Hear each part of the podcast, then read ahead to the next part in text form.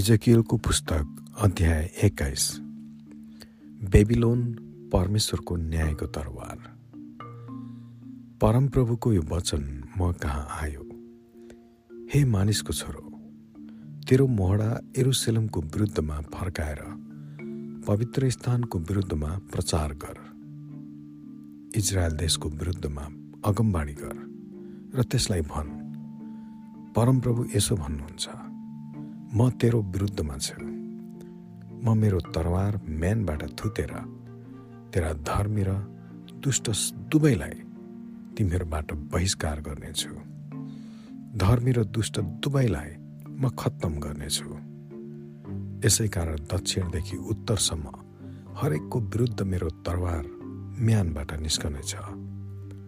तब सबैले थाहा पाउनेछन् कि म परमप्रभुले नै मेरो तरवार म्यानबाट झिकेको हुँ र त्यो फेरि म्यानमा हालिने छैन।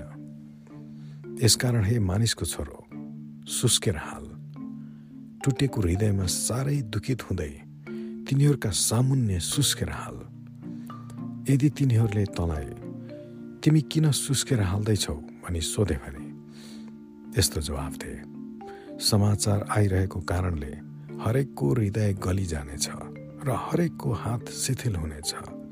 हरेकको आत्मा निरुत्साहित हुनेछ र हरेकको घुँडा पानी जस्तै कमजोर हुनेछ। त्यो आउँदैछ। त्यो निश्चय नै पुरा हुनेछ। परमप्रभु भन्नुहुन्छ। परमप्रभुको यो वचनमा कहाँ आयो? हे मानिसको छोरो अगमबाडी कहेर भन्। परमप्रभु यस्तो भन्नुहुन्छ। एउटा तरवार एउटा तरवार सान लागेको र टल्किएको छ। मार्नलाई सान लगाइएको छ। बिजुली झैँ चम्कनलाई टल्काइएको छ। के हामी यहुदा मेरो छोराको राजदण्डमा आनन्दित हुने र तरवारले त त्यस्तो दण्डलाई घृणा गर्छ।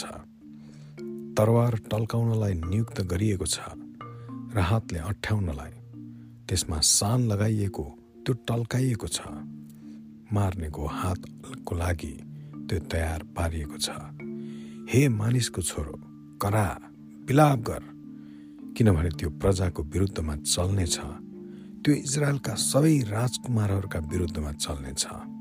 मेरो प्रजासित तिनीहरू पनि तरवारमा सुम्पिएका छन्। यसकारण तैँले आफ्नो छाती पिट जाँच निश्चय नै आउनेछ।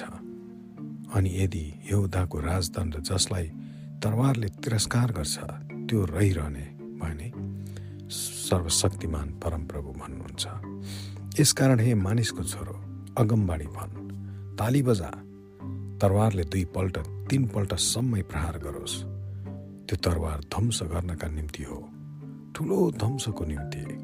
हरेक दिशाबाट त्यसले तिनीहरूलाई घेर्दैछ ताकि हृदयहरू गली जाउन् र ढल्नेहरू धेरै हुन्। तिनीहरूका सबै मूल ढोकाहरूमा रक्तपातको लागि मैले तरवार नियुक्त गरिदिएको छु। आओ बिजुली जस्तै चम्कनलाई त्यो बनाइएको छ। त्यो मार्नलाई समातिन्छ। हे तरवार तेरो धार जतातिर फर्काइन्छ दाहिने र देब्रेतिर त्यससित काट। म पनि ताली बजाउने छु र मेरो क्रोध शान्त हुनेछ। म परमप्रभुले नै भनेको हुँ। परमप्रभुको यो वचन म कहाँ आयो? हे मानिसको छोरो बेबिलोनका राजाको तरवार लिनलाई एउटै देशबाट आएका दो बाटो पहिल्या। सहरतिर जाने दो बाटोको मुखमा बाटो देखाउने एउटा मार्गदर्शक बना। अम्मोनीहरूको रब्बार सहरमा र यहुदा र किल्ला भएको एरुसलेम सहरमा आउनलाई त्यस तरवारको निम्ति एउटा बाटो देखा। किनभने बेबिलोनका राजा जोख्न हेर्नलाई दो बाटोमा अर्थात् ती दुवै बाटोका मुखमा उभिनेछ। त्यसले काँडहरूको चिट्ठा हाल्नेछ। त्यसले आफ्ना मूर्तिहरूसित सल्लाह लिनेछ र कलेजो जाँच्नेछ। भत्काउने मुढा राख्नलाई गला खोलेर ध्वंस गर्ने हुकुम दिनलाई युद्ध ध्वनिको पुकारा दिनलाई मूल ढोका भत्काउने ठुला ठुला मुढाहरू लाउनलाई घेरा मचान खडा गर्नलाई त्यसको दाहिने हातमा एरुसलिमको चिट्ठा पर्नेछ। युद्धको निम्ति राजासित मित्रताको शपथ खानेहरूका लागि त्यो झुटो जोखना हेरे जस्तो देखिनेछ। तर त्यसले तिनीहरूको दोषको सम्झना गराइदिनेछ र तिनीहरूलाई कैद गर्नेछ। यसकारण परमप्रभु परमेश्वर यसो भन्नुहुन्छ तिमीहरूको खुलस्त बागेपनद्वारा तिमीहरूले आफ्नो दोष मलाई सम्झना गराएकोले र तिमीहरूका पाप सबै काममा प्रकट गरेका हुनाले तिमीहरूले यो गरेका हुनाले तिमीहरू कैदमा पर्नेछौ। हे अपवित्र र दुष्ट जन इजरायलको राजकुमार हो जसको दिन आइपुगेको छ। जसको आखिरी दण्डको सजाय आइपुगेको छ। परमप्रभु परमेश्वर यसो भन्नुहुन्छ फेटा उतार र मुकुट उतारिदे। त्यो भए जस्तो अब हुने छैन। जो विनम्र छ त्यो उच्च पारिनेछ र जो उच्च छ त्यो तल खसालिनेछ। भग्नावशेष भग्नावशेष। म त्यसलाई भग्नावशेष बनाउनेछु जसको त्यसमाथि न्यायपूर्ण अधिकार छ जसलाई म यो सुम्पिदिनेछु हुन आउन्जेल त्यो फेरि पुनर्निर्माण गरिने छैन। हे मानिसको छोरो तैँले चाहिँ अगमबाणी कहेर भन् अम्मनीहरू र उनीहरूले गरेको निन्दाको विषयमा परमप्रभु यसो भन्नुहुन्छ। एउटा तरवार एउटा तरवार मार्नलाई एउटा तरवार थुपी थुतिएको छ। बिजुली जस्तै चम्कनलाई त्यो टल्काइएको छ।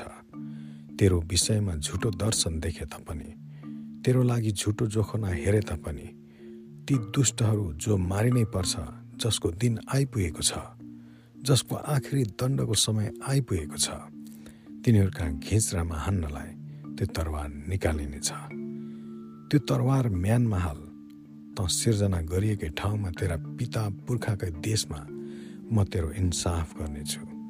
म मेरो क्रोध त माथि खन्याउनेछु र तेरो विरुद्धमा दन्किएको मेरो रिस आगो झैँ तमाथि फुकाइदिनेछु। म तँलाई नाश गर्नलाई सिपालु क्रूर मानिसहरूका हातमा सुम्पिदिनेछु। त आगोको लागि दाउरा हुनेछस्। तेरो रगत तेरै देशमा बग्नेछ। तेरो सम्झना फेरि कहिल्यै हुने छैन। किनकि म परम प्रभुले नै यो भनेको हुँ। आमेन।